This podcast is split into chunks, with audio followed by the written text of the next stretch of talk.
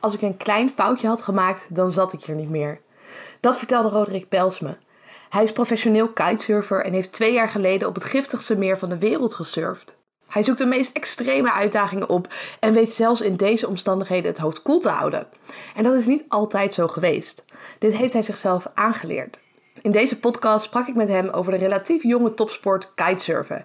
Hoe train je hiervoor terwijl er eigenlijk nog zo weinig over bekend is? En hoe is voor hem het leven als topsporter? Welke nadelen heeft hij en hoe gaat hij hiermee om? En hoe train je dus om dat hoofd koel te houden in spannende situaties? Luister snel naar deze podcast om alles te leren over de topsportmentaliteit van Roderick. Voor de mensen die jou nog niet kennen, zou je in het kort iets meer over jezelf willen vertellen, over wie jij bent? Ja, zeker, zeker. Uh, maar ik ben uh, Roderick Pels.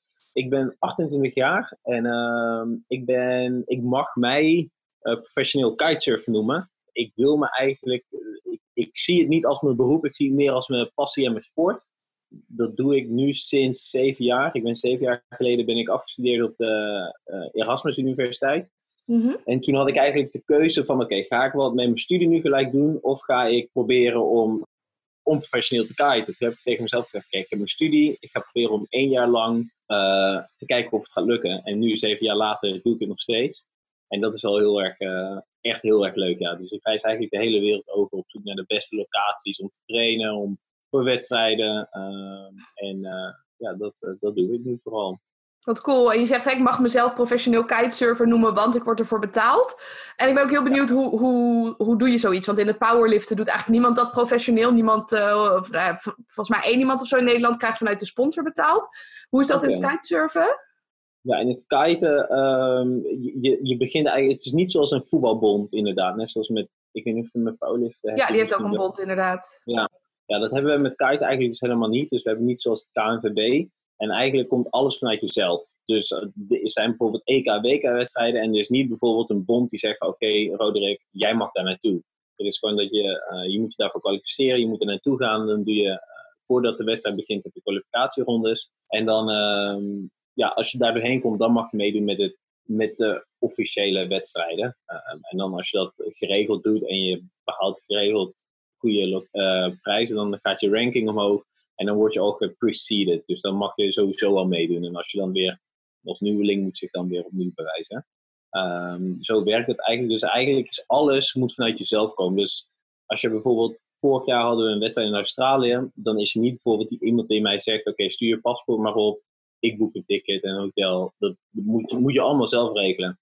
Ja. Wat heel erg leuk is, waar je heel veel van leert, uh, maar wat af en toe ook heel frustrerend is, omdat je je, je, moet gewoon alles zelf uitvogelen. Ook als je geblesseerd bent of, of, of wat dan ook. Ja, het is niet dat ze zeggen, hier, we hebben een team fysio's voor je klaarstaan. Uh, hier moet je naartoe. En dat is af en toe wel uh, pittig, maar dat zorgt ook wel een beetje dat je zelf uh, ondernemend geprikkeld blijft, denk ik. Ja, precies. Dat je wel, hè, het is een bepaalde stress die op je komt, maar toch omdat je daarmee om weet te gaan, dat je geprikkeld blijft. Ik sprak bijvoorbeeld in deze podcast ook eerder met een basketballer en die vertelde mij dat juist eh, na de topsport, toen hij stopte, moest hij ineens alles zelf regelen. En dingen als belastingaangifte, zorgverzekering ja. regelen, nou, had hij nog nooit gedaan. Dus dat dat voor hem heel lastig was. Ja, klopt. Ja, ja. En dat is denk ik ook wel een heel erg voordeel met het ja, natuurlijk, elk voordeel heeft zo zijn nadeel. En, en, maar ik, vind dit, ik zie dit meer als een voordeel dan een nadeel. Omdat je gewoon, je wordt gewoon ja, gelijk geconfronteerd met de grote boze wereld, als je het zo uh, mag zeggen. En je wordt gewoon gelijk uh, word je neergezet. Nou ja, je moet het zelf regelen, anders kom je er gewoon niet. Ja, en dat is wel heel erg fijn, vind ik. Ja. Het is ook zo dat uh, in, bij het kitesurfen dat iedereen die aan een Europees of wereldkampioenschap meedoet ook betaald krijgt? Of werkt dat anders? Um, dat werkt een beetje anders inderdaad. Dus toen ik bijvoorbeeld begon met het kitesurfen, kreeg ik helemaal niet betaald. En toen, toen deed ik het eigenlijk ook alleen maar echt voor de lol en voor mijn plezier. En, en toen ging ik altijd wel kiten met een maatje die wel professioneel was. Dus die kreeg er wel een beetje betaald voor. En we zaten een beetje op hetzelfde niveau. En, en, maar ik had nooit gedacht om professioneel te worden. En toen ineens kwam iemand naar me toe op het van... Hey, moet jij niet uh, gesponsord worden? En toen dacht ik van, nou ja, als ik gratis kites krijg en ik hoef er niet meer voor te werken, ja graag. Ja. En toen is dat zo een beetje een balletje gaan rollen. Toen heeft hij mij een beetje geïntroduceerd wel in het kitesurfen wereld, wedstrijdwereldje. Hij zei van, nou, misschien je een keertje proberen te kitesurfen. Uh, of meedoen met de kitesurfwedstrijden. En toen was ik nog een beetje als kwam ik daar als beginneling binnen en toen, toen kreeg ik nog niet betaald. Ik kreeg mijn spullen eigenlijk een bruikeling. Dus ik mocht de spullen gebruiken en die moest ik aan het einde van het jaar moest ik hem weer aan teruggeven. En zo begin je dan een beetje als nieuweling. Dus elke nieuweling die wordt niet gelijk betaald. Pas als je echt gaat bewijzen wat je kan, en dat kan op heel veel verschillende manieren. Dat kan natuurlijk op uh, wedstrijdniveau, je kan heel goed uitblinken. Maar je kan bijvoorbeeld ook heel goed uitblinken in de marketing. En, en naarmate je vaker bewijst, dan komen sponsoren zelf naar je toe. Of je bouwt zelf een portfolio op en dat je gaat zeggen: hé, hey, kijk, dit heb ik gedaan, dit heb ik gepresteerd. Zouden we misschien een samenwerking, zouden we een sponsorcontract kunnen opstellen? De meeste mensen die beginnen met EK-wedstrijden, die worden nog niet gesponsord. Als ik gesponsord zeg, dan zeg ik dat je betaald voor krijgt. Dat, dat bedoel ik meer. Dus die worden nog niet echt gesponsord. Maar die hebben wel vaak een doel om echt professioneel te worden, ja. Ja, je ziet vaak bijvoorbeeld hè, eh, met het voetbal dat je dan gescout wordt. Dan krijg je vaak meteen betaald als je eh, goed gescout wordt. Maar bij het kitesurfen moet je echt wel een beetje harder werken en je meer bewijzen voordat je dat voor elkaar krijgt. Ja, dus dat is inderdaad wel echt pittig. Ik weet nog wel dat ik een beetje echt begon serieus te kiten. Dat ik dacht van oké, ik heb een doel. Had ik echt de hele zomer gewerkt voor een, uh, voor een nieuwe kite. En ik ben mijn kite heel super trots oppompen op het strand. En ik lig neer op het strand, kom mijn hond aanrennen en die rent echt dwars door mijn kite heen. Overal gaten. En toen dacht ik echt van nee, nou ja, ja, daar heb je dan een heel jaar voor gewerkt. Maar ja, ik ben wel van mening, als je zo opgegroeid wordt, dan waardeer je het wel allemaal. En dan ga je ook zuiniger met je spullen om dan wanneer je zegt nou, ik ben goed en ik krijg gelijk alles. Ja, en als het kapot gaat, dan bel ik gewoon mijn sponsor en dan krijg ik toch wel weer nieuwe. Ja, ja, ja, sommige mensen gaan wel redelijk laks met hun spullen om. En denk altijd van, ja jongens, je moet wel beseffen dat dat... Het is niet goedkoop. Nee, en niet vanzelfsprekend dus. Ja, ja, ja klopt. Niet vanzelfsprekend, ja. Dus uh, ik denk dat dat altijd heel mooi is als je voor je, ja, voor je spullen, maar ook voor je doelen moet vechten. Ja, zeker. Dat je het veel meer waardeert. En uh, ik ben ook heel benieuwd bij kitesurfen. Je zegt als je uitblinkt in die wedstrijden, kan het ook dat je gesponsord wordt. Hoe ziet zo'n wedstrijd er een beetje uit? Nou, dat is heel erg. Ik denk dat dat heel anders is dan met powerlift. Met powerlift is bijvoorbeeld dat je zegt: Oké, de wedstrijd begint om 9 uur s ochtends. En dat je dan verschillende mensen voor je hebt. En dat je zegt: Oké, nou, uitgerekend ben ik om kwart voor twaalf moet ik liften. Werkt dat zo een beetje? Ja, ja, precies. Je hebt een weegmoment. Dan heb je twee uur de tijd om even te herstellen van het wegen. Want heel veel mensen die gaan hun gewicht manipuleren. Dan heb je bij wijze van spreken... Uh, het squatten begint altijd eerst. Nou, dan gaat iedereen de eerste beurt, tweede beurt, derde beurt. Volgende onderdeel bankdrukken. Dan de volgende onderdeel deadlift. En dan is heel erg duidelijk... Degene die het meest heeft gelift, die heeft gewonnen. Ja, ja inderdaad. Ja, ja.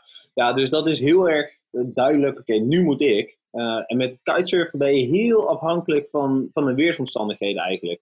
Omdat we de golven gebruiken en we gebruiken de wind. En moeder natuur heeft die elementen, heeft die kaart in de hand als het ware. Dus wij kunnen wel zeggen, oké, uh, om 9 uur s ochtends beginnen we. Ja, dat, uh, dat, dat kan dat we om 9 uur s ochtends beginnen. kan ook pas dat we om 5 uur s avonds in de middag beginnen. We hebben af en toe, bijvoorbeeld in Australië, zagen de weerspellingen echt super goed eruit in het begin van de wedstrijd. En er kwam gewoon helemaal niks. Er kwam gewoon helemaal niks. Dus wij hebben gewoon elke dag uh, moesten om 9 uur s ochtends op het strand staan. Ja, en de laatste drie dagen werd de racer dus die eigenlijk de plan van de plannen campagne elke dag uitschrijft, die werd een beetje zenuwachtig. Dus de laatste drie dagen moest gewoon om vijf uur s ochtends op het strand klaarstaan. Ja, en dan de laatste twee dagen hebben we pas echt kunnen varen. En dat is wel een beetje. Je, je maakt een plan met het kitesurfen. Oké, dan gaan we beginnen. Maar daar kan altijd roet in, in, het eten worden gegooid door moeder natuur. En daar, moet, daar, daar spelen we dan op in, ja. Dus we hebben ook af en toe een paar keer gehad dat we gewoon een wedstrijd niet af kunnen varen. Dat is wel heel erg zonde. Dan, dan, ja, dan heeft iedereen gewoon een gedeelde plek. Maar uh, ja, zo gaat het eigenlijk een beetje. Dan heb je wel een soort van een heat order. Dus dat betekent eigenlijk dat je bijvoorbeeld doen 32 mensen mee, 32 mannen. En een x aantal, uh, meestal rond de 24 vrouwen dan wordt dat gewoon in de eerste ladder wordt dat ingedeeld. Dus man tegen man, vrouw tegen vrouw. En dan wordt het de afvalrace naar, uh, naar, de, naar de finale. En zo, zo werkt het eigenlijk een beetje.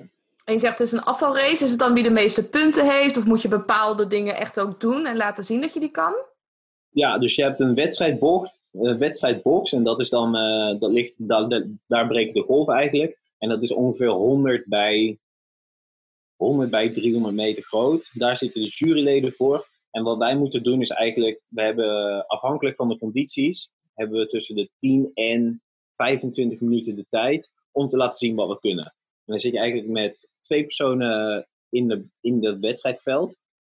En dan gaat de groene vlag mogen. Dat betekent dat de wedstrijd begint, dat de timer gaat lopen. En dan ga je eigenlijk zo goed mogelijk je trucjes doen, je golven pakken, je verschillende bochten op, ja, turns op een golf doen.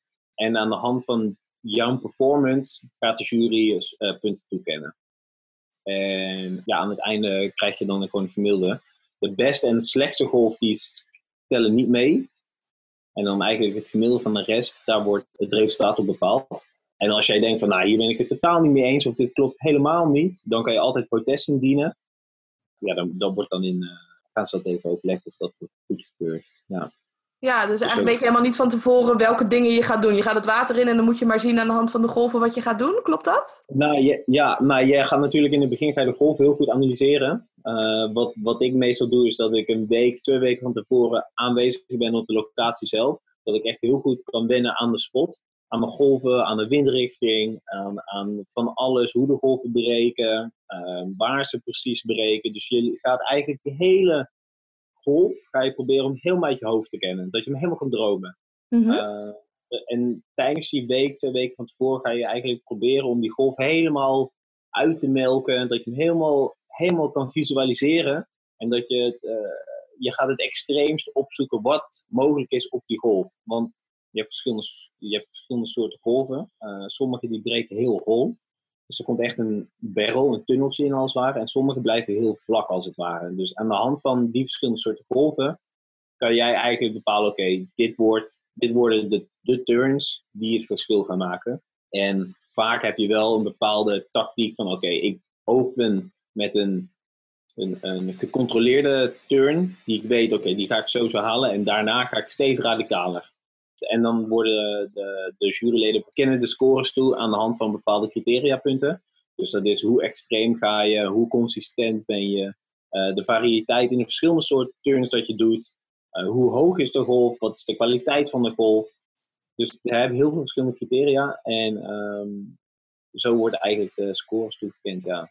ja. Eigenlijk voor je wedstrijd ga je die golf helemaal leren kennen. En dan, wat ik altijd doe, is dan een dag van tevoren, twee dagen van tevoren, is dan in mijn bed liggen. En dan ga ik gewoon mijn ogen dicht doen. En dan ga ik die hele wedstrijd al visualiseren, als het ware. Helemaal dromen van, oké, ik kom naar binnen varen, ik zie de golf, ik pak de golf, ik doe dit, ik doe dat. En zo, uh, zo ga je eigenlijk eh, de wedstrijd al uh, eh, 24 keer voordat hij eigenlijk begint te varen. Precies, wat ik je ook eigenlijk hoor zeggen is van hè, moeder natuur die, die bepaalt, daar, daar heb je geen invloed op. Maar waar je wel invloed op hebt, daar neem jij in ieder geval 100% verantwoordelijkheid voor. Dus je gaat op tijd er naartoe, je gaat die golven analyseren, je gaat het zelf visualiseren. Hoe ben jij op die, ben je meteen al op die manier begonnen om die wedstrijden aan te pakken? Of heb je dat van iemand geleerd? Uh, nee, nee, eigenlijk totaal niet. Eigenlijk, um, of, of, toen ik begon met kitesurfwedstrijden, toen was ik echt, echt heel slecht. ik, kon, ik kon heel goed kiten. Of nou, heel goed. Ik vond dat ik goed kon kiten. Uh, ik had het niveau wat de andere kitesurfers ook hadden. Alleen als de toeter van mijn wedstrijd uh, ging, toen uh, snapte ik er helemaal niks van. Ik, ik was zo zenuwachtig. En dat was. ik, ik begreep er helemaal niks van hoe dat kwam. En eigenlijk voor het kitesurfen heb ik altijd gehockeyd op hoog niveau. Dus ik heb toen selecties gedaan voor voor Jong Oranje en, en, en, en uh, andere uh, topteams. En eigenlijk als de wedstrijd begon, speelde ik eigenlijk altijd beter dan tijdens de trainingen. En met het kitesurfen was het juist andersom. En ik begreep er helemaal niks van. Toen ben ik eigenlijk een beetje hulp gaan zoeken bij een uh, mental coach die mijn mindset probeerde te veranderen. Omdat het tijdens het kitesurfen, ja, tijdens de, tijdens de trainingen ging supergoed. Dacht iedereen van, nou, oh, ik weet niet hoe het komt, maar jij hoort altijd op het podium. En tijdens de wedstrijden eindigde ook altijd onderaan in de ranking. Toen ik dacht van, nou, hoe dan? En uh, toen heeft hij me eigenlijk helemaal geholpen en, en de weg laten zien hoe kan ik mijzelf voorbereiden om zo'n wedstrijd goed uh, te varen. En dat heeft mij wel echt heel veel geholpen hoor. En wat hebben jullie dan concreet gedaan in zo'n traject? Hoe zorg je dan dat je minder zenuwachtig wordt? Nou, eerst uh, kwam hij, wilde hij erachter komen waarom waarom bevries je eigenlijk tijdens een wedstrijd? Wat, gebeurde? Dus dat heb ik geprobeerd uit te leggen aan de hand van oefeningen, aan de hand van vragen. Dus uh, ik ben redelijk vaak bij hem uh, op visite geweest, als het ware. En toen gaf hij mij de opdracht van, oké Ro, ik wil nu dat elke keer als je gaat kiten, ga je eerst een, een kwartier, half uur zelf gewoon trainen. En daarna ga je proberen om de stress die je hebt met het kitesurfen, met de wedstrijden, op te gaan roepen.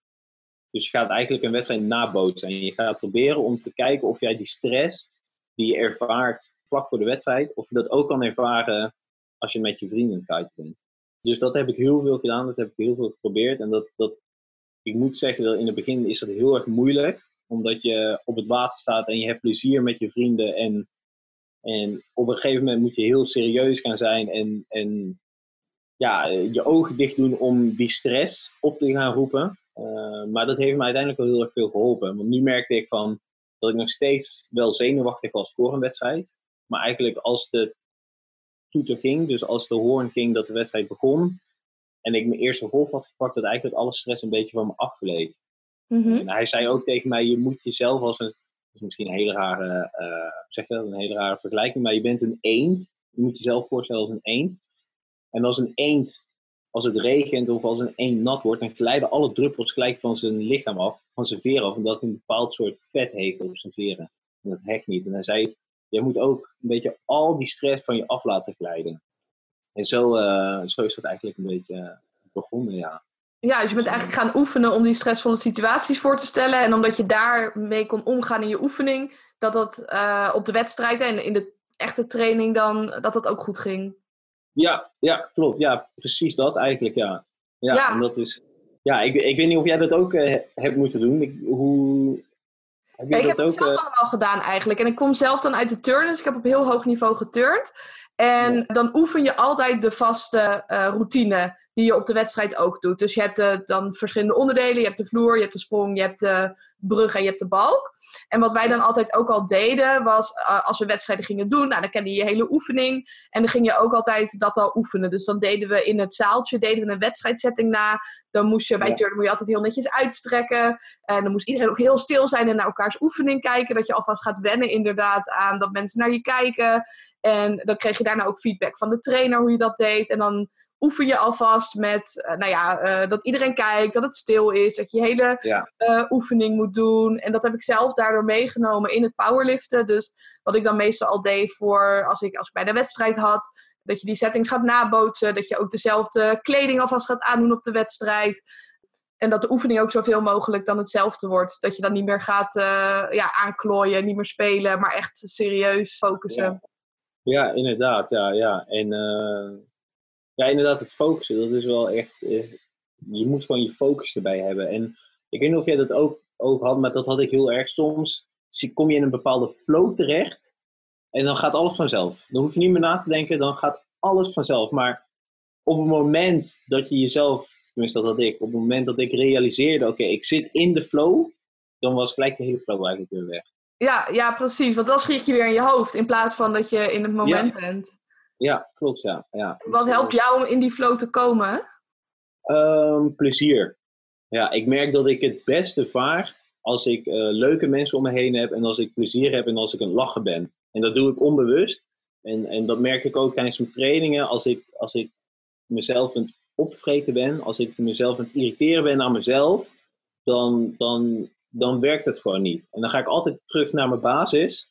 En dan ga ik gewoon zorgen, oké, ik ga niet voor een, voor een 9 nu, om een 9 te varen, maar ik ga terug naar een 6. Ik ga zorgen dat ik eerst mijn basis weer, weer haal. Dan ga ik weer plezier maken met mijn vrienden. Dan ga ik weer een beetje stom doen, een beetje gek doen. En dan, dan, ga ik, dan zit ik weer terug in die flow en dan, ja, dan gaat het weer goed eigenlijk. Dus plezier is bij mij het belangrijkste. Dat ik kan laten zien dat ik plezier in mijn sport hou eigenlijk. Ja, en hoe haal je dan het maximale uit jezelf? Want je zegt inderdaad van, nou, als ik mezelf, de, eh, als ik die lat hoog leg, als ik dat wil dat het een 9 is en het lukt niet, ga ik me irriteren, dus dan leg ik Ja. die lat wat lager. Ehm, Ja. Merk je dan, hè, hoe is dan je prestatie? Is dat ook een 6 of eh, Nee, is dat dan Nou, eigenlijk, nee, juist niet eigenlijk. Dus bij mij werkt het juist als ik het water op ga en ik zeg: Oké, ik moet trainen, ik moet dit doen. Dan ga ik echt als een drie varen, als het ware. En als ik het water op ga en ik zeg: van Oké, ik ga eerst even een half uur echt plezier maken met mijn vrienden. Gewoon even warm draaien, even wennen aan de condities. En dan ga ik vanzelf, kom ik in een bepaalde flow terecht. Oké, nu gaat het lekker en nu kan ik nieuwe dingen gaan proberen. En dan, nu ga ik dit proberen. En dan gaat het vanzelf als het ware. En Tuurlijk heb ik af en toe momenten dat het dan ook helemaal niet lukt. En dan ga ik weer terug naar de basis, ga ik weer terug naar een 6 of naar een 7. En dan ga ik weer langzaam opbouwen dat ik heb, oké, nu gaat het weer goed, nu zit ik weer in de flow, nu heb ik weer plezier. Nu ga ik weer proberen om nieuwe dingen te proberen op mijn golf en dan ga ik weer naar een 9. Dus ik heb eigenlijk altijd een basis en vanuit die basis ga ik doorwerken naar nieuwe, nieuwe oefeningen. Ja. Ja, dus die basis is het plezier en die zes. En vanuit daar heb je genoeg zelfvertrouwen, genoeg flow om nieuwe dingen te proberen. En als ik je verhaal ook zo hoor, hè, je zegt proberen is het ook een soort van spelen, gewoon kijken of het lukt. Klopt dat een beetje? Ja, ja, heel erg. Ja, ja. En ik ben zelf altijd, ik weet niet of jij dat ook hebt, maar ik ben altijd heel erg leergierig. Dus ik vind het altijd leuk om nieuwe dingen te proberen. En dus als ik in een zesje zit of in een zeven en ik heb mijn basis en ik heb plezier en ik ga dan naar proberen om een 9 te halen en, en ik haal dat misschien niet, dan heb ik alsnog heel veel plezier omdat ik nieuwe dingen aan het proberen ben. Uh, En dan blijf ik eigenlijk constant in zo'n, in zo'n cirkel draaien, in een positieve cirkel. En dan, dan maakt het niet uit hoe vaak, je, hoe vaak je valt eigenlijk, omdat je weet van oké, ik ben een leren. Zolang je maar altijd die basis hebt, zolang ik altijd maar die basis heb van oké, hier kan ik op terugvallen. En als het niet lukt, dan kan ik altijd weer, als ik mijn plezier kwijtraak, kan ik eerst altijd weer mijn plezier opzoeken. En dan ga ik weer terug uh, doorgroeien. Dus dat werkt heel erg. Ja, ik vond het wel lastig bij mezelf hoor. Omdat je dan in een training toch wel bij powerliften zeker bepaalde gewicht hebt die je wil halen. En wat ik dan ook vaak van mede powerlifters hoorde en wat ik zelf ook wel ervaarde, dat als dat eerste onderdeel slecht ging, dat het wel lastig was om dan positief te blijven. Hè? Want ja, als je het hebt over een 6 in de krachtsport dan, dat betekent gewoon dat je bijvoorbeeld je gewichten niet hebt gehaald. Zodat het allemaal heel erg zwaar voelde. Ja. Dus het is hoe, hoe, kom jij dan, hoe kwam jij dan terug naar je 9? Nou, wat ik dan deed, is gewoon accepteren dat die training een 6 is. Dus dan inderdaad, je hebt die bepaalde verwachting. Je hoopt dat je training een 9 is. En soms blijkt dat het niet zo is. En soms was het ook andersom hoor. Dan verwacht ik dat de training een 6 was. Want dan had ik niet goed geslapen. Maar dan bleek het uiteindelijk een 9 te zijn. Dat het ook wel iets kan zijn wat je in je hoofd bedenkt maar die verwachtingen dan bijstellen van oké, okay, deze training hoeft niet perfect.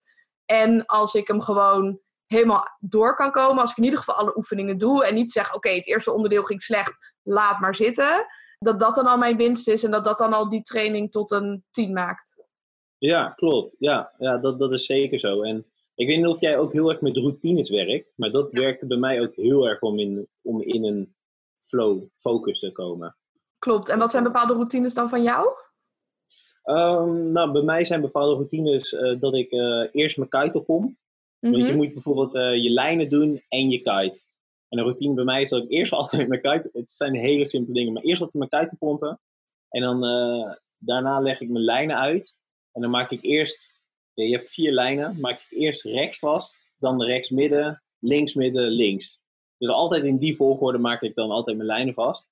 En dat is wel echt een soort van een, een dingetje hoe ik in de focus kom als ik wegvaar. Dat ik moet mijn leash vastmaken, dat ik die op een bepaalde manier vastmaak. Uh, als ik wegvaar, dat ik eerst op het bord spring en dat ik dan om zijn beurt mijn voeten nat maak als het ware en dan mijn handen. Dus het zijn allemaal een beetje van die routines die, je niet, die ik niet expres heb aangeleerd, maar die vanzelf in zijn geslepen als het ware. Ja, en ik heb zelf ook, omdat je dat elke keer op die manier doet, hoef je er ook niet meer over na te denken. Waardoor je aan de ene kant meer in die flow komt en ook beter kan focussen. Want als jij inderdaad elke keer moet gaan nadenken van, hoe ga ik vandaag eens een keer mijn lijnen spannen? En ja. daarna een keuze maken van, hè, welke trick ga ik doen?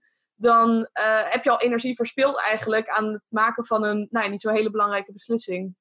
Ja, ja, 100%. Ja, dat is echt zo. Ja, ja dat is... Uh ja, je wilt die routines, dat, die, dat je er niet over na hoeft te denken. Dat dat gewoon uh, vanzelf gaat, ja. Precies. En je hebt het over die routines, een stukje plezier en een stukje flow. Uh, welke aspecten zijn voor jou nog meer belangrijk om nou ja, te presteren op het niveau dat je nu doet? Nou, je, je, als, jij wil, als, je echt, als je de top wilt bereiken, um, dan moet je hoe dan ook moet je ervoor vechten. En, en je, je moet een doel hebben waar je naartoe wilt gaan werken. Ehm, dat is denk ik wel echt het belangrijkste. Je kan niet zomaar gaan zeggen: Oké, ik ga dit doen en ik, word, ik wil de beste worden. Nee, je, je moet echt een duidelijk doel hebben, een vertaalbaar doel hebben. Dat je kan zeggen: Oké, ik, wil, ik wil de beste van de wereld worden. Uh, en mijn doelstelling is om dit jaar top 10 bijvoorbeeld te varen.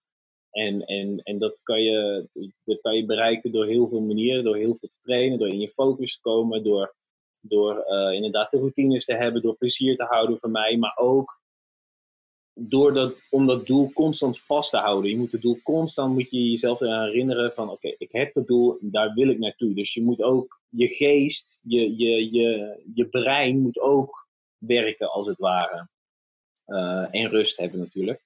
Maar ik, ik, ik denk dat dat, dat, dat dat ook heel veel kan doen als het ware. En, en voor mij, ik, dat klinkt misschien heel, heel zweverig of zoiets, maar ik ben wel van mening dat als jij iets heel vaak, als je ergens heel erg vaak aan denkt en je gaat ervoor en je visualiseert het, dan, dan komt het vanzelf. Uh, of dat komt doordat het universum misschien energie heeft, dat hebben we geen idee. Maar ik geloof wel dat als je jezelf daar constant mee confronteert, dat, je, dat het ook weer een routine wordt in je geest. Dus niet in je handelen, maar in je geest.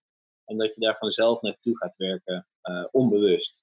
En ja. dat, uh, ik denk dat wel. Ik weet niet of jij dat, hoe, hoe jij daar, uh, of jij dat ook hebt. Maar ja, ik ben zelf heel wetenschappelijk aangelegd. Dus de visie die ik daarin heb is omdat je het zeg maar erop focust, dan ga je het ook zien. Dat je het bijna kan vergelijken met een vergrootglas. Dat uh, als jij vergroot, vergrootglas gebruikt, dan ga je dat ook veel meer zien, hetgene waar je op richt. Dus als jij bijvoorbeeld, ik ben zelf heel erg fan van uh, sportwagens. Dus uh, daar focus ik ook op. En daarom heb ik het idee dat ik heel veel sportwagens zie. Terwijl het percentage sportwagens in Nederland is helemaal niet zo heel erg groot. En ja. ook met je doelen, als jij bijvoorbeeld als doel hebt om uh, sterker te worden, dan lijkt het ineens alsof je overal gym ziet, alsof je op social media dat ja. meer ziet, alsof je. Hè, dan valt ineens alles op zijn plek. Terwijl eigenlijk was alles altijd al op die manier. Maar omdat jij erop meer gaat focussen, maak je ook keuzes op basis daarvan. Waardoor er weer ja. nog meer op je pad komt. Ja, dat is zeker zo. Ja. En ik geloof ook wel dat als jij iets wilt, bijvoorbeeld als ik nu ineens zeg: Oké, okay, ik, wil, ik wil gaan handelen in aandelen, maar ik blijf in mijn surfwereld, ja, dan, gaat dat, dan ga ik nooit de beste handelaar van, van in aandelen worden. Dus ik geloof ook echt dat je jezelf moet gaan omringen met de mensen die in dat wereldje al zitten, als het ware. En, en dat je gewoon veel met hun praat, uh, dat je veel met hun, uh, dat, je, dat je zelf veel onderzoek doet. Dus ik denk ook dat je je moet omringen in de juiste omgevingen. En dat is misschien ook wat je, wat je bedoelt met de vergrootglas erop zetten. Dat het dan ineens lijkt alsof de alsof er veel meer gyms zijn bijvoorbeeld, of veel meer sportauto's. Maar dat is er altijd al geweest. Maar omdat jij er nu op gaat focussen en je gaat je er in die wereld omringen, dan, uh, ja, dat, dat, dat geloof ik, daar ben ik zeker van mening, ja. Ja. ja. dan kom je op een gegeven moment in die bubbel, zoals ik die noem. En ik ben ook heel ja. benieuwd hoe jij die mensen bent gaan vinden in het kiten. Want je zei, ik had eerst al die vriend, die was professioneel kiter. Hoe ontmoette jij die mensen die in die wereld zaten? Um, nou, ik, ik ben eigenlijk een, uh, ik ben begonnen op in Ouderpont kitesurfen bij een kitesurfschool. En toen, daar heb ik les genomen en toen ben ik eigenlijk daar ook gaan werken. Uh, als zomerbaantje. Dus ik heb toen uh, begon ik eerst met, uh, met de kiteschool aanvegen en toen mocht ik later kiteles geven. En, en daar kwamen heel veel kitesurfers en toevallig ook de nummer, die is twee keer wereldkampioen geweest. Dat was ook een Nederlander. Die, die kwam daar ook heel erg vaak kiten.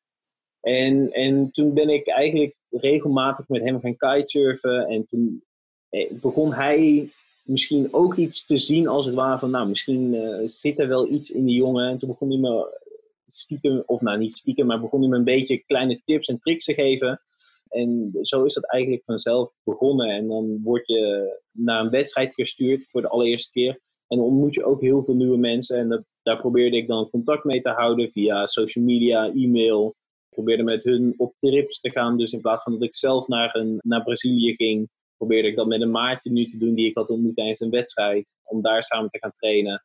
En ja, zo, zo probeerde ik mij een beetje erin uh, te omringen met dat soort mensen. Ja. Dat, je, dat je gewoon vraagt van, hey, zullen we nu een keer samen een tripje gaan doen in plaats van alleen? Dan, ja, dan kan je elkaar filmen en dan kan je die beelden kan je analyseren zo, dat werkte voor mij wel heel erg goed, ja. Ik probeerde heel veel mensen, ik probeer nu uh, nog steeds eh, actief op social media om mensen uh, in de gaten te houden hoe zij, hoe zij trainen, wat ze doen, welke nieuwe technieken gebruiken, zoals het ware. Dus ja, je hele leven is eigenlijk ingericht op het kitesurfen bij mij.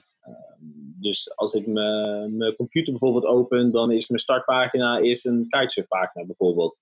Of is uh, mijn tweede startpagina is uh, de windforecast. De hele garage is uh, ingericht op kitesurfen. Op, op, dus zo, ja, zo richt ik, probeer ik mezelf een beetje daarin te omringen, ja. En hoe is dat voor jouw omgeving die niet aan kitesurfen doet? Bijvoorbeeld je vrienden en familie? Nou, mijn vrienden die weten dat als het waait, dat uh, de afspraken niet meer gelden. Regel nummer Dus, één. eh, ja, ja, en dat, is, dat heeft in het begin echt wel een beetje... eh, ze dachten, ja, Ro, die komt toch niet opdagen, want het waait. Maar dat begrijpen ze nu heel erg goed. En sommige vrienden zijn zelfs ook begonnen met kitesurfen. En die zeggen, nou Ro, ik begrijp nu heel erg goed dat als het waait, dat je niet komt opdagen. Dus dat is, dat is echt heel erg leuk om te zien. Mijn familie heeft me echt altijd heel, enorm gesteund daarin. Die hebben altijd gezegd, Ro, eh, ga lekker het water op. Dus dat was ook altijd heel erg goed. En bijvoorbeeld nu met Pasen ben ik ook met mijn broertje gaan surfen. Dus die is ook enorm enthousiast. En die, eh, ja, die, die, die twee die steunen me enorm goed. Dus dat is wel echt heel erg leuk. Wat fijn. Ja, ik denk dat het ook wel heel erg belangrijk is dat hè, niet iedereen in je omgeving hoeft het te begrijpen of hoeft hetzelfde Nee. te doen, maar zolang ze je steunen, eh, dat dat onwijs kan meewerken. Nou, dat, dat, dat denk ik inderdaad. En ik heb ook een keer bijvoorbeeld een, eh, iemand gehad, een, een, een ex-vriendin, die, eh, die niet kitesurfde. En die is toen ook begonnen met kitesurfen. Nee, die raakte ook helemaal eh, verslaafd aan het kitesurfen, als je het zo mag zeggen.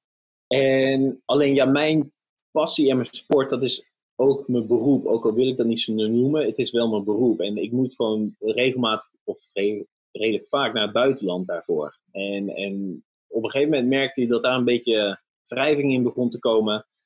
En toen heb ik eigenlijk gezegd tegen mezelf: oké, zolang ik niet, zolang ik mijn passie volg, wil ik niet iemand anders daarmee gaan kwetsen, als het ware. Dus daar probeer ik nu wel heel erg rekening mee te houden. Dat je wel, dat dat heel duidelijk is van ja, weet je, ik, ik ben heel erg vaak weg. En dat klinkt op het eerste oog heel erg leuk en, en mooi en de fantastische droom, maar dat, weet je, het is ook heel erg vaak dat ik de verjaardagen mis van mijn broertjes of van mijn ouders. Of als, als eh, een vriend eh, gaat trouwen of die krijgt een kind of iets.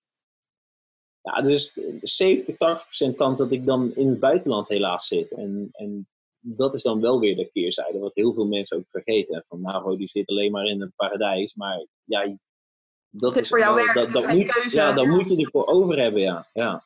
Ja, precies. Dat Ja, is- ik eh, herken het. Mijn moeder die werkt in het vliegtuig. En eh, eigenlijk hetzelfde verhaal. Hè. Verjaardagen was ze er gewoon niet. Kerst en oud en nieuw was ze er niet.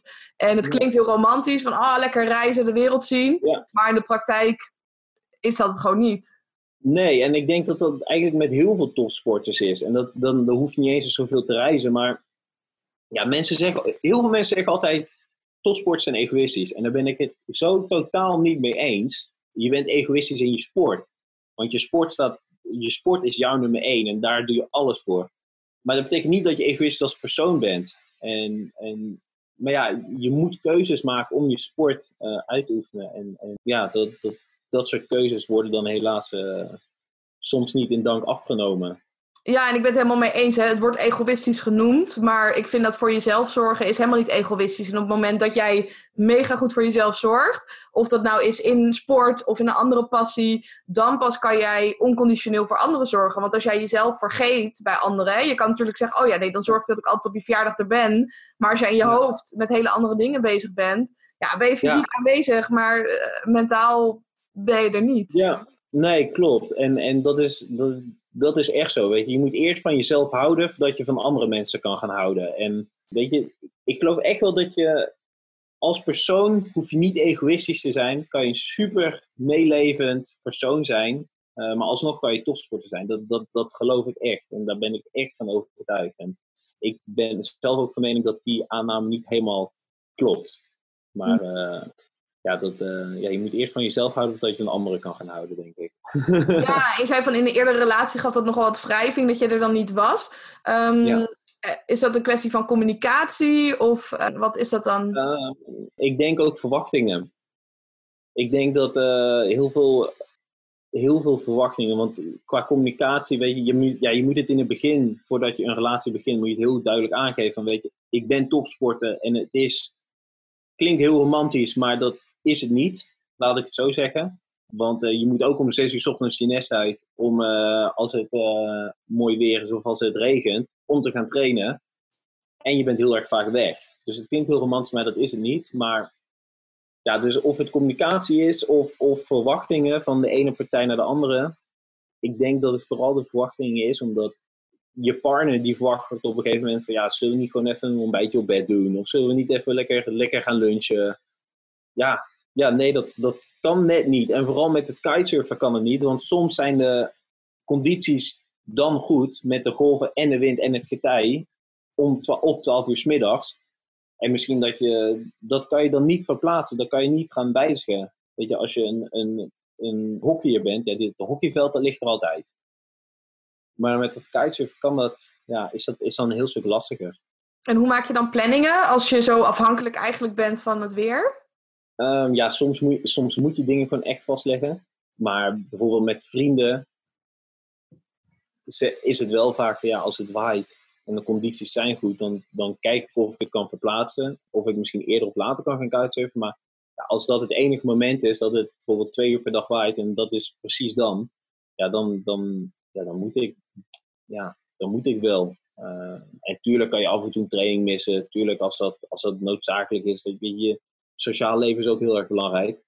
Maar ja, dat, zo werkt het eigenlijk een beetje, ja. Ja, dus je plant het wel. En als je dan merkt van, joh, het, weer is goed om te kiten, dan gaat dat voor, uh, probeer je te verplaatsen en zo niet. Ja, eigenlijk ja. Dan, de kite staat gewoon op één. Ja, ja. En, en tuurlijk heb je wel andere momenten, uh, andere afspraken, bijvoorbeeld afspraken met je sponsoren of, of met uh, eventuele belangrijke partijen die je gewoon niet kan verplaatsen of niet kan missen, ja, dan, dan mis je een training. Zo, zo werkt het dan ook. Maar afspraken die verplaatst kunnen worden, dat, ja, die worden dan wel uh, meestal wel echt verplaatst, ja. Precies. Dat is af en toe pijnlijk. Ja, maar je zegt ook aan de andere kant, eh, je vrienden weten in ieder geval wel wat ze kunnen verwachten. Uh, Hoe was dat voor hen in het begin? Want je zei, ik ben, ik ben een beetje dat kitesurfen ben ik uh, gaan opbouwen. Uh, ik kan me voorstellen dat er één keer een moment was voor de eerste keer. Ik zei, ja jongens, ik kom niet, het waait. Ja. Ja. ja, Roderick die zit onder zijn palmboom. ja, dat, dat soort dingen kreeg je altijd van, ja, en, en dat snap ik ook hartstikke goed dat ze dat zegt hoor. Die de eerste keer zegt, ja Ro, uh, ga, dan ga je toch even een uurtje later kiten. Of dan, uh, dan, dan ga je toch morgen. Ja, maar dan waait het niet jongens. Dat, dat, ja, dat weet je pas als dat, dat weten zij pas. Zodra ze een keer mee zijn komen kiten. En zodra ze ook zijn gaan kitesurfen. En ik heb ze allemaal wel een lesje gegeven. En toen zagen ze ook wel van, oh ja, ja het is wel echt weersafhankelijk. Nu begrijpen ze dat heel erg goed eigenlijk. Wat fijn. Dus je hebt eigenlijk daarin meegenomen en gewoon laten zien van jongens, dit is de reden. het is geen ja. excuusje. Uh, ja. Waardoor ze dat gewoon... En nu, en nu zijn ze ook allemaal helemaal uh, verslaafd. Laat ik het zo zeggen, verslaafd aan het kitesurfen. Dus nu snappen ze het hartstikke goed. En uh, vinden ze dat helemaal geen probleem meer. Dus dat is wel echt heel erg, echt heel erg fijn. En ja, ik denk dat je daarmee ook wel een beetje de onderscheid kan maken tussen vrienden en echte vrienden en vrienden die denken dat ze het begrijpen. Ja, ja, je kan denken dat je het begrijpt, of je kan het echt begrijpen en je erin ja. verdiepen. En... Ja, dat het echt, echt je leven is als waar. Ik denk dat jij dat ook hebt, weet je wel. ja. hebben, hebben mensen nooit jou raar aangekeken dat je zegt van ja, waarom moet je nou zo vaak gaan trainen?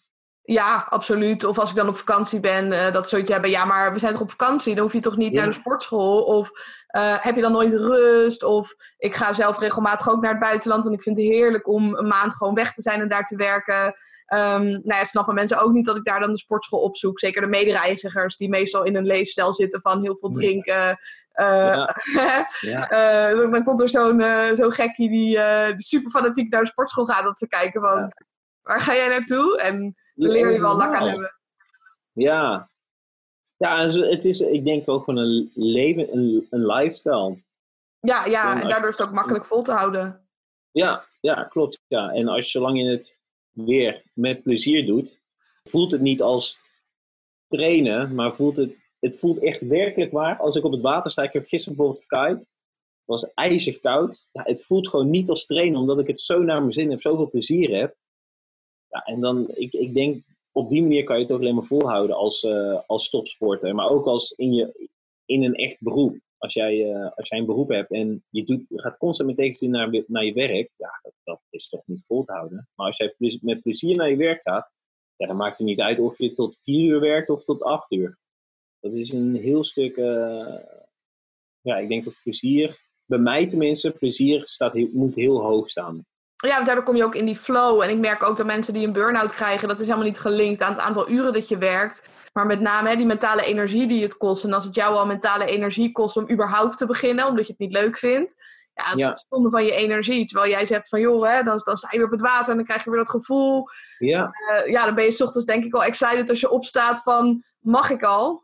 ja, klopt. Ja, dat is echt zo. En ik heb een keer een boek gelezen. En daar stond eigenlijk in dat mensen, bijvoorbeeld topsporters of mensen die doen wat ze echt willen, dat die altijd geluk hebben.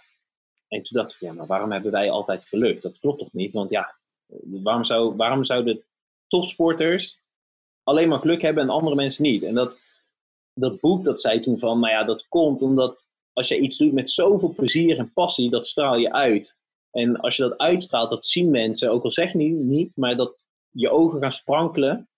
En dat waakvlammetje dat in je zit, dat gaat echt branden. En dat zien mensen. En mensen gaan je dan meer dingen gunnen. En dan lijkt het alsof je meer geluk hebt.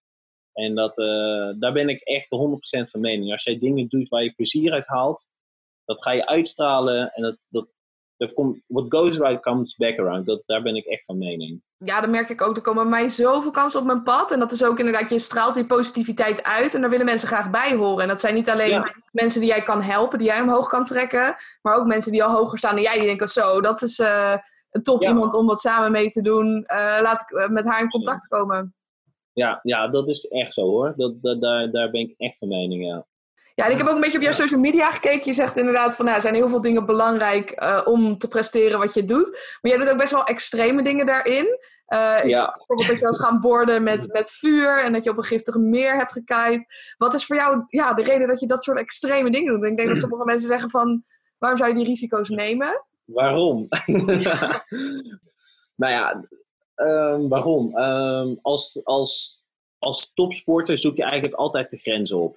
En je bent eigenlijk altijd, net zoals met powerlifting, je zoekt altijd de grens op. Kan ik deze kilo extra tillen of niet? En dat heb ik ook met het kitesurfen. Kan ik dit of kan ik dit niet? En, en normaal ga ik altijd op reis naar de mooiste, beste locaties ter wereld. Eh, met, eh, met palmbomen, witstranden, warm water, mooie golven. En toen kreeg ik een belletje van een goede vriend van me, die is eh, fotograaf, Rijn Rijken. En hij zei eigenlijk, Ro, we gaan naar eh, Tanzania en ik wil je eigenlijk in eh, Lake Natron eh, laten kiten. En ja, ik, ik had nog nooit van Lake Natron gehoord, dus ik dacht, nou ja, laten we dat doen. Ja, prima. Nou, en dat bleek dus een super giftig meer te zijn voor 70 graden heet. En, dus dat is een totaal andere grens die ik ging opzoeken. Normaal ben je altijd in je comfortzone als het ware met een nieuwe trick oefenen of een grotere golf. En dat is wel, dat is, dat is een grens, maar een grens in je comfortzone als het Ja, op een ware. gegeven moment ben je dat gewend. Ja, ja, klopt. En, en die grens probeer je af en toe ook te overbreken. En dan krijg je weer een blessure bijvoorbeeld, of je, je breekt iets. Maar dat, is, dat zijn allemaal grenzen in je comfortzone. En dit was echt een totaal andere comfortzone voor mij. Dus dat was echt ook, dacht van, nee, wat gaan we doen? Ja, je had al ja Eh, gezegd en toen kwam je er eigenlijk achter passen waar je ja, Ja. had gezegd. Ja, ja. En, en toen ging ik, eh, als je bij Google bijvoorbeeld intikt de Lake Natron, ja, dat, dat, eh, dan eh, wil je niet zien, wil je niet weten wat je ziet. En toen dacht ik, nou weet je, dit is, dit is, ik vond het wel een heel mooi avontuur om, dat, om dit aan te gaan. En we hebben ons echt, of ik heb me heel erg goed laten informeren wat precies, waarom dat meer giftig is. Wat kan ik eraan doen om, om, om mezelf zo goed mogelijk te beschermen. En, en dan komt weer een bepaalde plezier komt weer naar boven om het waar te gaan maken, om het eh, te zorgen dat ik de eerste kitesurfer ben die ooit op zo'n meer heeft gekite of bijvoorbeeld met vuur heeft gekite. En nou, daar komt weer een nieuw ander soort plezier naar boven.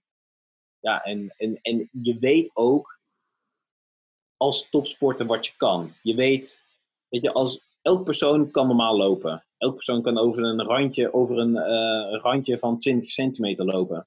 Maar als je dat randje van 20 centimeter op 15 meter hoogte plaatst, dan is het weer een heel stuk anders. En, maar terwijl het eigenlijk precies hetzelfde is. Ja, daar kwam een beetje dat plezier vandaan. Dat ik dacht van, nou, oké, ik, ik, eh, ik ga dit avontuur aan, ik ga het proberen. En ja, ik merk wel dat ik daar heel veel energie uit haal om mezelf constant uit te dagen in nieuwe verschillende comfortzones. En eh, ja, zo, zo is dat eigenlijk. Ja, en als je het dan hebt over dat lopen, hè, normaal gesproken kunnen we allemaal lopen, maar plaats het inderdaad op 15 meter hoogte. Wat bij de meeste mensen gebeurt is, dan gaan ze bibberen en dan vallen ze door daar Ja. Hè? Ik heb geturnd vroeger en dan kon je je oefening honderd keer hebben gedaan in je lokale turnzaaltje en deed op de wedstrijd. En dan was je zo zenuwachtig dat je van de balk afbibberde. Dus Ja. als je zo'n zo'n uitdaging gaat doen, merk je dan in je lichaam ook iets anders? Of eh, weet je dat goed onder controle te houden? Nou, nou ik, ik eh, merk wel heel erg, eh, als we bijvoorbeeld het voordeel nemen van, voorbeeld nemen van Tanzania, van het giftig meer. Ik merk dat ik eh, in het begin misschien een beetje te naïef was. Dat ik dacht, van, nou, dat zo giftig kan het niet zijn. Nou, dan kom je erachter dat het wel heel giftig is. Want hoe giftig Ja, is het? Is het als je een fout maakt, dan is het klaar? Of... Ja, dat had ik hier niet meer, dan had ik hier niet gezeten. Dat was wel redelijk, het was, echt, het was eigenlijk gootsteen ontstopper waar ik overheen in het kiten was. En tijdens het kiten lagen er ook gewoon allemaal eh, schedels van buffels en zebra's in. En er is eigenlijk één diersoort die, die daarin kan overleven. Dat is eigenlijk een flamingo, die heeft een soort van leren poten, die kan erin blijven staan. Maar voor de rest is alles wat daar in aanraking komt, die, eh, die komen er niet meer echt meer uit. En, en de weg daar naartoe was ik eigenlijk totaal niet zenuwachtig. En, en op het moment dat ik daar stond, toen kwam ik in aanraking met de lokale mensen. En die zeiden van, met de lokale Maasai mensen, die, die, de stammen die daar wonen. En die zeiden eigenlijk van, nou, je bent knettergek dat je dit gaat doen, want eh, je komt hier niet levend uit als het ware. En toen werd ik wel, toen werd ik wel echt heel erg zenuwachtig, omdat dat de lokale mensen zijn die daar dag in dag uit leven en die weten waar ze over praten. Nou ja, dan even drie dagen goed voorbereiden, de wind goed in de gaten houden. Waar komt de wind vandaan? Wat zijn de escape routes als het ware? Dus ook daar bereid je weer heel erg goed voor en dan ga je het weer heel goed visualiseren. En dan komt toch weer een beetje dat plezier naar boven bij mij. En dan op een gegeven moment ga ik weer mijn kite klaarmaken met dezelfde routines deed ik weer van een wedstrijd.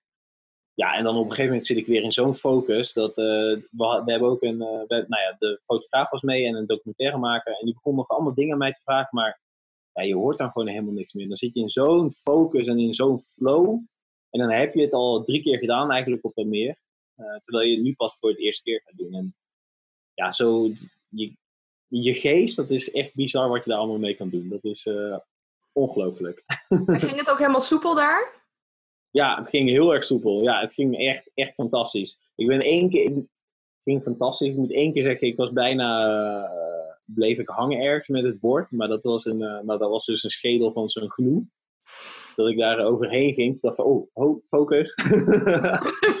maar voor de, nee, voor de rest ging het heel erg soepel. Ja, echt, echt eh, boven verwachting soepel. Dus dat was super fijn. Ja, en ik ben ook benieuwd, je zegt die lokale bevolking die zegt eigenlijk moet je niet doen. Wat, doe jij in zo'n geval? Ga je, eh, stop je dan met praten met hen of ga je in discussie? Nee, ja, ik probeer, eh, ik, ik, ik probeer zoveel mogelijk informatie uit hun te halen als het ware. Dus ik probeer me zo open mogelijk te stellen naar hun ervaringen. ehm, naar dat ze zeggen van, nou, dit moet je niet doen en, en, dat soort dingen. En dan probeer ik met oplossingen te komen van, oké, jij zegt dat niet kan, maar hoe kan ik ervoor zorgen? Waar is een gaatje voor een mogelijkheid om het wel eh, mogelijk te maken? Dus ik, ik, stel, ik luister heel erg goed naar wat ze zeggen, omdat ik, ik ben ervan overtuigd dat, dat zij het meest, het meest over dat meer weten dan wie dan ook. En daar luister ik heel erg goed naar, maar ik probeer wel hun gedachtegang ook om te vormen. Dat ze zeggen, oké, nou als je het zo aanpakt, dan zou er een kans zijn van slagen, als het ware. Dus eh, ik probeer dan heel erg probleemoplossend te denken. Ja, ja, en zij denken waarschijnlijk in problemen van dat kan gewoon niet. Ook al zou er Ja. zijn, doe maar gewoon niet. Maar Ja. jij bent niet zo... Dan komt weer dat, dat idee van, van perspectief voorbij. Want zij denken dat ik knettergek ben om op dat meer te gaan kiten. Maar ik denk dat zij knettergek zijn. Want zij moeten bijvoorbeeld, om aan hun stam te laten zien dat ze van een jongetje naar een volwassen vent gaan, moeten ze tikkertjes spelen met een leeuw. Dus ze moeten een leeuw aangaan, gewoon met de blote handen aanraken en dan zijn ze een man. Ja, dan, ik denk van jullie zijn knettergek dat jullie dit doen. En dat is weer een heel ander, eh, ja, waar, je achtergrond, je opvoeding, waar komt het vandaan? Dus dat, dat was een hele contrast om te zien. Ja, want je reist ook veel, zeg je. Hè? Kom je dan ook veel in aanraking met de lokale bevolking? Ja, ja meestal eh, li- ligt er een beetje aan. Dus in Tanzania bijvoorbeeld wel heel erg. Maar soms ga ik ook eh, naar Brazilië of naar Australië.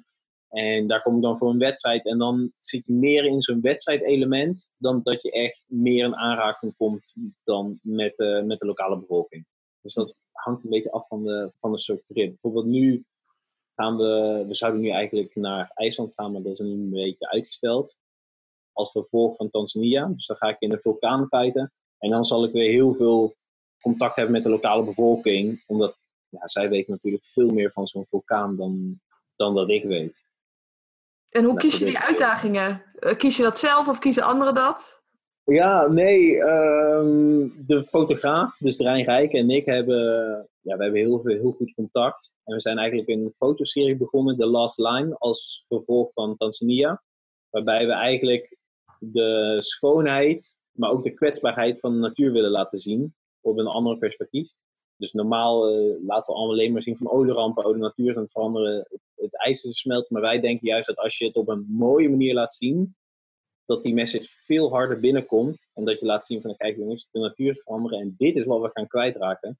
Dat komt veel, denk ik, veel sterker aan dan dat je zegt van nou jongens, de natuur is veranderen, uh, er brokkelt uh, ijs af. Ik denk dat dat contrast komt harder binnen. En we, we hebben dus eigenlijk een WhatsApp-groep samen, waarbij we constant locaties naar elkaar doorsturen. En, en foto's van, nou, dit is heel erg vet, hier moeten we naartoe. En zo hebben we eigenlijk een hele lijst opgemaakt van uh, locaties. Ja. Oh, cool. Ja, super ja. vet. En als ik je verhaal zo hoor, is er gewoon nog een hele lijst van wat je allemaal gaat doen. Ja, ja, ja we hebben echt nog uh, echt onwijs veel locaties. Uh, Ethiopië, Groenland, echt, echt overal nog, overal nergens. Wat cool. En in het kitesurfen, je zegt van nou, ik, ik, ik kite dan met anderen. Heb je ook een coach daarin of uh, doe je alles zelf? Nee, we hebben eigenlijk, eigenlijk doe je alles zelf, ja.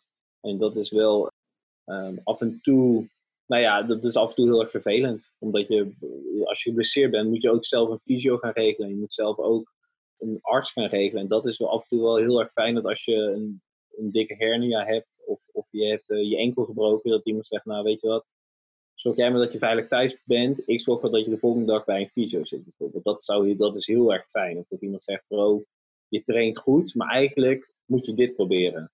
Ja, of je zou hè, de, de, die spiergroep sterker kunnen maken. Of als je conditie ja. nou wat beter is. Ja, dus eigenlijk wij trainen omdat we denken dat dit de beste manier is dan het trainen. Maar ja, ja. Eigenlijk is, dat wel helemaal, nee, is dat wel helemaal niet de beste manier. En ja, dan merk je wel dat de sport nog redelijk jong is. Ik denk dat zelf heel... is het gewoon in, in, in, in het kitesurfen dat als je meer gaat kitesurfen dat je dan beter wordt? Of doe je nog andere dingen daarnaast? Ja, ik doe zelf nog heel veel. Dus ik ben heel veel, eigenlijk altijd als het waait ben ik, sta ik op het water. En daarnaast doe ik nog heel veel trainen om mijn algehele fit, fitheid op peil te houden. Dus ik ben uh, redelijk fanatiek met crossfit. Mm -hmm. daar, want ik denk dat je daar kracht met conditie combineert.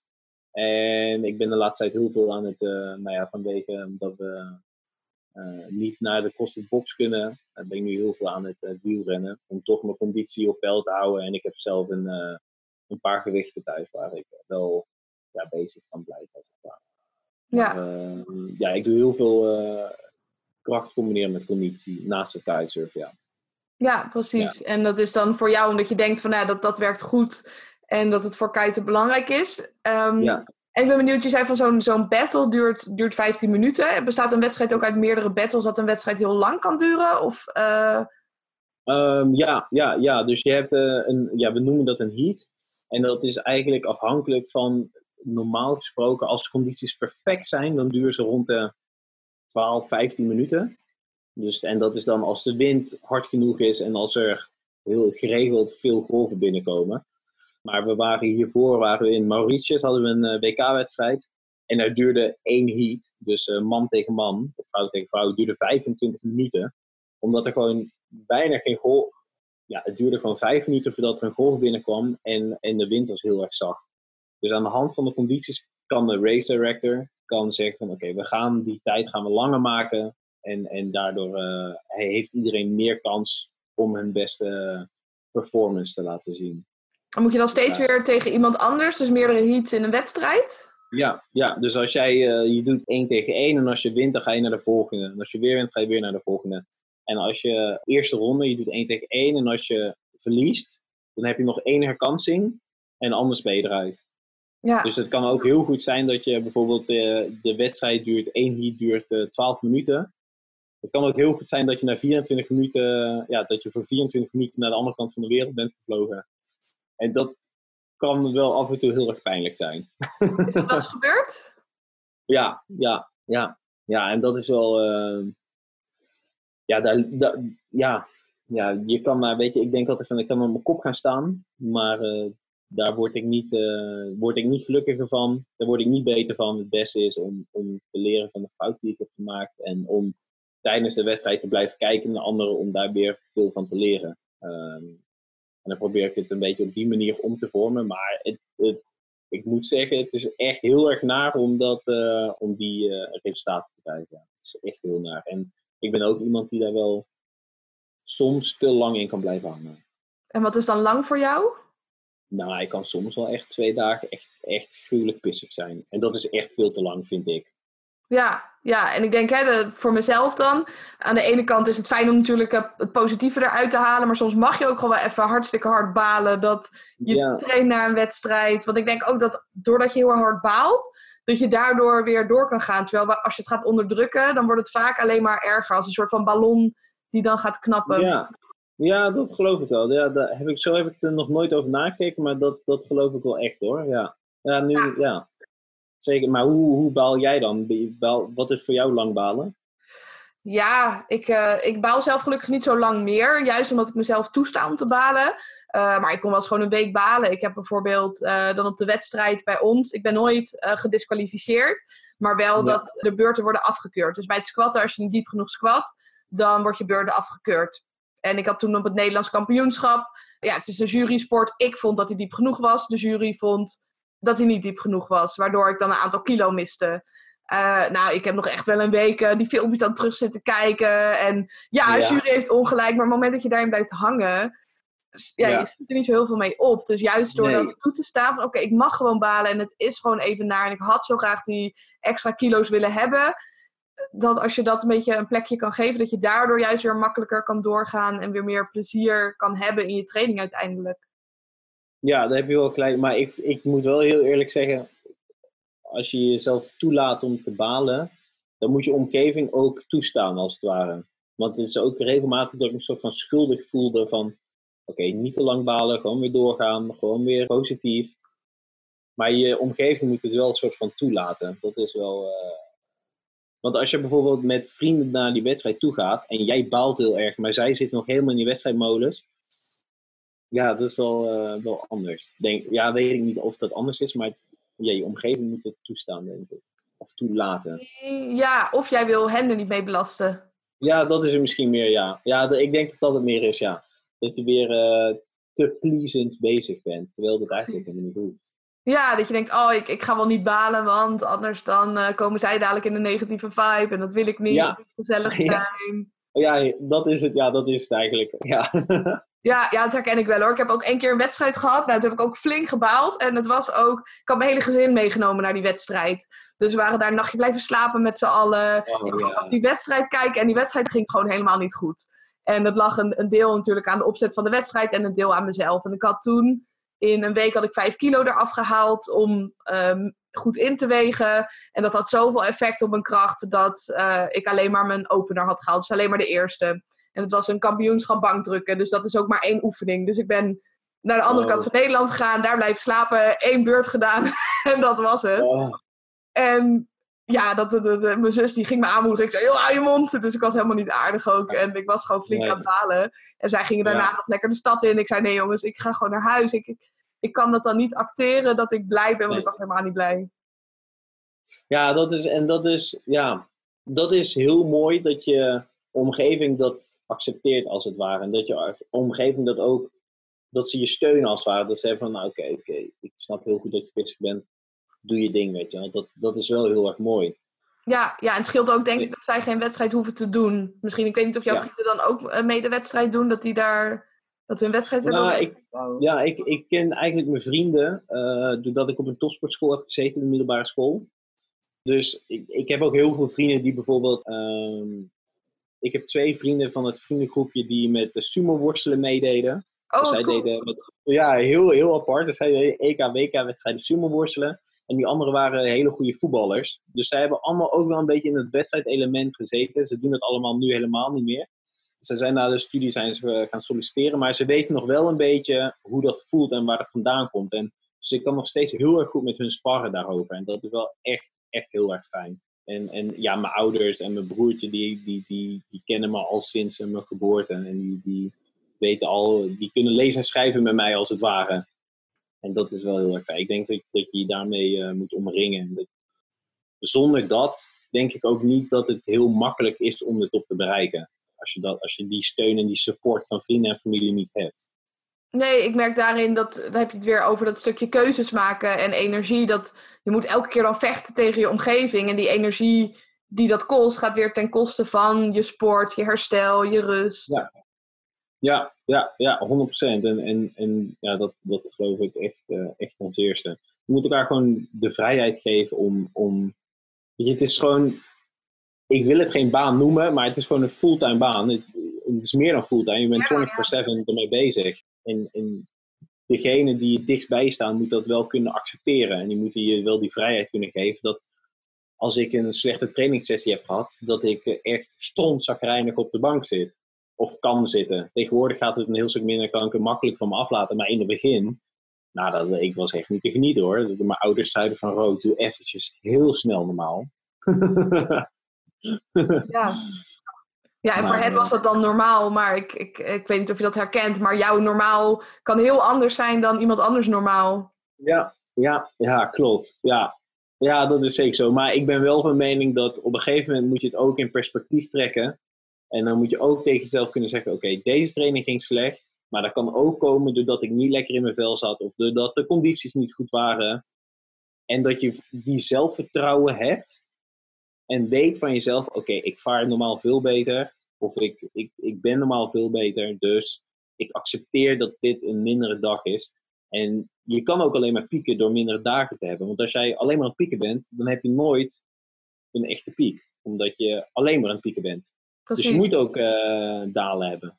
Ja, en jouw dal is waarschijnlijk weer de piek van iemand anders. Dus het is heel, heel erg in perspectief. Dan kan je balen van, hè, bijvoorbeeld bij mij, ik kan maar uh, 100 kilo benchen, is een slechte dag. Terwijl iemand anders droomt om dat te kunnen doen. Ja, ja, dat is, dat is echt zo hoor. Dat is, dat is echt zo. En dat moet je heel vaak realiseren. Soms kom je ook van het water en dat iemand zegt, zo, wat een vette trick. En dat ik heel zagrijnig van het water afkom. Maar dat is weer even in perspectief trekken. En dat is wel heel goed, denk ik. Dat je het wel, het, see, bigger, see the bigger picture. Inderdaad. En als je kijkt naar de bigger picture voor de toekomst, welke doelen heb jij zelf nog? Naast al die vette uitdagingen? Nou, ik, ik, ik wil sowieso de last line wil ik echt, echt wel nog groter gaan maken. Dat is wel echt een doel. Ik wil, daarnaast wil ik het, nog wel echt gewoon heel goed gaan doen met het WK kitesurfen. Daar heb ik gewoon een bepaalde positie dat ik wil gaan behalen. En daarnaast heb ik, uh, ik heb bedrijfskunde gestudeerd. En ik wil ook nu mijn sport gaan gebruiken met een intellectuele ontwikkeling. Dus ik ben nu ook met, met een projectje gestart waarbij ik een kite-organisatie opstel. Waarbij ik mensen op vakantie neem en een ervaring geef uh, die normaal fulltime werken, maar dat zij een, proefje kunnen krijgen van een professionele kitesurf, hoe dat precies werkt en wat daar allemaal bij komt kijken en dat je ze meeneemt op avontuur. Dat is, uh, dat is één ding, waar, een, een project waar ik mee bezig ben. En daarnaast probeer ik met het kitesurfen in een gezondheidszorg de, kwaliteit en het leven van kinderen te verbeteren. Uh, met behulp van VR, dus virtual reality. En daar, omdat zij heel lang zitten eh, in een nare situatie. Kunnen ze niet meer naar buiten om te spelen en te leren. En ik wil ze eigenlijk meenemen op avontuur waarbij ik ze leer kitesurfen naar, eh, rond de wereld. En waarbij we uh, dingen leren over topografie, flora en fauna, aardrijkskunde. Maar dan op de gaafste manier die er is met het kitesurfen in VR eigenlijk. Dus dat ik hun die ervaring kan geven. Dus dat zijn twee projecten waarmee ik waar ik nu eigenlijk ook mee bezig ben naast mijn professionele uh, topsportcarrière om, ja, om daarmee uh, door, door te groeien als het ware. Daar haal ik heel veel energie, plezier en nog meer motivatie eigenlijk uit om beter te worden. Dat, dat merk ik dat ik, als je heel eventjes kan uitzonen naar iets anders en je staat dan weer op het water, dat je dan nog, dat het vuurtje nog harder brandt om nog beter te worden. Ja, ik wilde jou vragen van, hè, hoe combineer je dat dan? Maar je zegt eigenlijk juist doordat ik dingen combineer, kan ik al die ballen hoger houden. Ja, ja, ja dat, dat merk ik wel, ja. Want als ik alleen maar focus op, op die ene trick, dan merk ik dat mijn focus langzaam gaat afglijden, omdat ik denk van, ja, er is meer in het leven. Dat, dat bedenk ik dan op een gegeven moment. En als ik dan weer thuis kom en ik heb dat andere project waarmee ik dan, uh, waar ik dan heel eventjes uh, aan ga zitten, een paar uur per dag. En ik mag dan weer naar het strand om te gaan kiten, omdat het weer goed waait. Ja, dan, dan, dan staat dat vlammetje staat zo hoog. Ja, dus het geeft je een beetje structuur, maar ook uh, de, de hè, mentale afleiding. Dat je weet van oké, okay, als het zo lekker gaat, nou ja, het is niet het einde van de wereld, want ik heb nog die andere dingen en het gaat allemaal door. Ja, en misschien doordat ik dat denk, dat het juist beter gaat. Dat merk ik nu heel erg, ja. Ja. Ja dus, uh, maar dat, dat betekent niet dat mijn doelen in het kitesurfen zelf zijn veranderd. Ik heb nog steeds doelen om, om op de meest bizarre plekken ter wereld te gaan kiten. En om de hoogst haalbare ranking in het WK kitesurfen te behalen. Dus dat, dat, dat blijft onveranderd. Maar ik denk dat ik beter kan worden door dat te combineren. Precies. En wat is dan die hoog haalbare ranking? Nou, ik, ik vaar nu uh, top 10 en ik wil eigenlijk uh, nou, hoger. Ik wil nu uh, richting de. Ja, het ligt ook een beetje aan, aan deze hele coronasituatie. hoe dat zich verder gaat ontwikkelen. Dus dat is een beetje afwachten. Daar hopen we binnenkort meer duidelijkheid over te krijgen. Of er dit jaar nog wedstrijden gevaren gaan worden en wanneer die plaats zullen gaan vinden. Dus dat is een beetje, ja, heel even afwachten hoe dat gaat lopen. Precies, ja. En stel dat iemand hier naar luistert en denkt, joh, ik zou op het gebied van mindset zou ik ook gewoon sterker willen zijn, maar ik vind het zo lastig om uit die comfortzone te komen. Dat hoor ik heel vaak. Die, die excuses die jij noemde van je vrienden, dat zijn vaak excuses die mensen al voor zichzelf bedenken van, oh, voor een uurtje kan het ook, of morgen, of nou ja, laat maar zitten, het is te spannend. Heb jij een tip voor die mensen? Ja, maak het bespreekbaar. Maak het, uh, ik zou, wat bij mij heel erg werkt, is dingen opschrijven. Dus ik maak het eerst heel concreet voor mezelf wat wil ik, waar wil ik naartoe? Dus waar sta ik, wat wil ik, hoe kom ik daar? Dat, dat werkt heel erg, dat ik het heel concreet en visueel voor me zie. En dat ik het daarna bespreekbaar ga maken. Dus dat ik bijvoorbeeld bij, bij, bij je partner of bij je ouders of bij je broertjes, bij je, bij je vrienden gaat zeggen: Oké jongens, dit wil ik. En, en dit is. Hier word ik gelukkig van, hier haal ik energie van, hier word ik een beter persoon van. En of dat je zegt, hier word ik een betere partner van. Dat je het heel bespreekbaar maakt en dat je het gewoon open kaart speelt. Dat, dat, ik denk dat dat heel erg goed is om al die excuses eigenlijk weg te halen. En als je het concreet opschrijft, dan kom je er ook achter of je dat ook echt wilt. Of dat je maar denkt dat je het echt wilt. Mm En die excuses die je dan voor jezelf hebt, uh, omdat dingen spannend zijn, hoe kan je daarmee omgaan? Hoe kan je daarmee omgaan? Ik zou zelf, nou ja, nou, je, je, moet jezelf trainen wat dat betreft. Dus je, moet je lichamelijk trainen, maar je kan ook je geest trainen. En dat is. Bij mij werkt het heel erg om ook. Bijvoorbeeld tijdens het kitesurfen was ik heel erg. was ik niet goed met, met, met wedstrijden. En ik ben gewoon hulp gaan vragen aan een coach. Aan een mindset coach. Die, die mijn mindset en mijn geest weer in de juiste banen kon leiden. Dus ja, ik zou ook zeggen, schroom niet om, om hulp te vragen. Dat is, dat is echt niet raar. Ja, accepteer gewoon dat je iets niet weet, iets niet kan. Ja, iedereen vraagt voor personal training. Weet je, en dat is de normaalste zaak. Maar als je gaat vragen eh, hoe zorg ik ervoor dat mijn hersens uh, of dat mijn geest en dat mijn mind goed werkt. Ja, dan ben je ineens, uh, ben je ineens heel raar bezig. Terwijl dat. Waarom? Waarom zou dat. Wat is anders eraan? Ja, en dat zijn ook geen dingen die we in het dagelijks leven leren, normaal gesproken op school. we, we, leren op school niet uh, wie ben je, wie wil je zijn, wat zijn je kwaliteiten. Maar we leren wel rekenen, taal, gym krijgen we zelfs. Ja. Ja, ja, dat is echt zo hoor. Dus ik zou zeggen, schroom niet om, om, om, om daar uh, hulp bij te vragen. Of gewoon met mensen erover te praten die daar verstand van hebben. Dat, uh, daar is totaal niks ergs uh, aan. ja. Ik denk dat dat heel erg werkt. Dat, dat, ja, en, en wat bij mij ook veel werkt, is gewoon lezen. Boeken lezen. Dat, dat werkt bij mij ook heel erg goed over mindset en hoe kan ik me beter focussen. Maar dat, uh, ja, dat, dat komt vanzelf eigenlijk, denk ik, als je, als je je daar gaat in wilt gaan interesseren. Ja, Maar maak het bespreekbaar. Dat is het, praat erover met, met een vertrouwenspersoon of met meerdere. En laat je begeleiden. Dat is, schroom daar niet voor. Ik denk dat dat de belangrijkste tip is die ik kan meegeven en die ik heb gehad. ja, ik ben het er helemaal mee eens. Mijn beste investering ooit was in mindset coaching. Toen merkte ik eigenlijk van wow, dit, dit is die kracht van je mind. Ja, ja je, je, kan, je kan onwijs veel. Mijn vader die is 61 en die heeft volgens mij al 50 marathons gerend. En ik vraag van Wauw. hoe doe je dat? Hij zegt nou, ja, je moet gewoon eh, je, moet je mind er gewoon eh, naartoe zetten. Ja, de- je komt een paar keer eh, de man met de hamer tegen, maar als jij daaromheen kan lopen met je mind, ja, dan, dan loop je die marathon ook uit. En je kan zo onwijs veel. Net zoals met Wim Hof therapie. We hebben, ik heb zo'n eh, cursus gedaan in Kaapstad.